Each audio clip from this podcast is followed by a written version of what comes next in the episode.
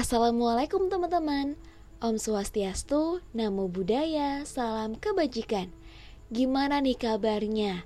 Semoga sehat selalu ya. Oh ya, Desi mau nanya nih. Kalian tahu gak sih kasus yang kemarin sempat viral banget di Indonesia? Yap, bener banget. Kasus terkait terorisme lagi-lagi kasus ini disangkut pautkan dengan masalah agama nih. Kenapa sih? Kok bisa ya? Jadi gini teman-teman. Indonesia merupakan negara majemuk yang mana masyarakatnya terdiri dari berbagai macam ras, suku bangsa, bahasa, budaya, dan lain sebagainya disebabkan Indonesia merupakan negara yang bisa dibilang negara plural. Hal inilah yang menuntut setiap warga negara Indonesia untuk hidup rukun dan damai di tengah keragaman yang ada. Namun, pada kenyataannya, gak semua nih warga negara Indonesia sanggup bahkan sadar akan pentingnya saling menghormati dan menghargai terhadap sesama warga negara. Walaupun pada dasarnya mereka juga menginginkan untuk hidup rukun, aman, dan nyaman dalam negaranya.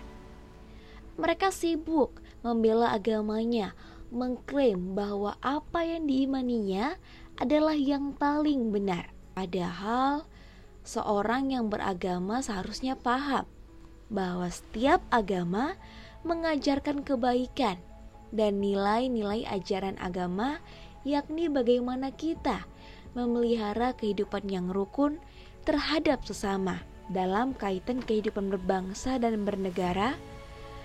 Kerukunan antar umat adalah suatu keharusan yang harus dijalankan dan dikembangkan sebagai warga negara Indonesia yang berpedoman berdasarkan Undang-Undang Dasar 1945 dan Pancasila yang di mana agama memiliki peran yang sangat penting dalam menentukan kehidupan bermasyarakat, berbangsa, dan bernegara.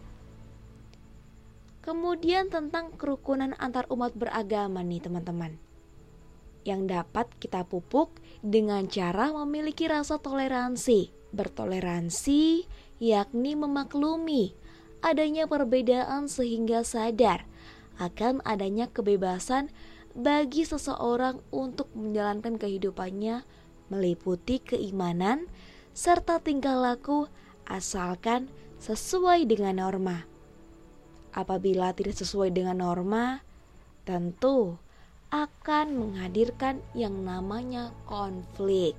Adanya konflik ini juga bisa dipengaruhi oleh adanya perkembangan arus globalisasi, di mana semua orang itu dapat menerima informasi dengan cepat.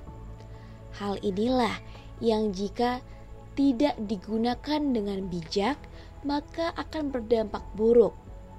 Misalnya, tersebarnya berita hoax yang mengatasnamakan agama, sehingga sangat sensitif terjadi konflik antar umat beragama. Maka dari itu, kita sebagai pengguna internet harus bisa memfilter informasi-informasi yang layak untuk kita terima. Teman-teman, cukup mudah sekali di negara Indonesia untuk melakukan suatu bentuk kejahatan melalui jejaring sosial media dan cukup mudah bagi masyarakat Indonesia secara mayoritas menelan mentah-mentah dari berita yang ada di jejaring sosial media yang mereka anggap valid tanpa menggunakan dasar pertimbangan yang baku.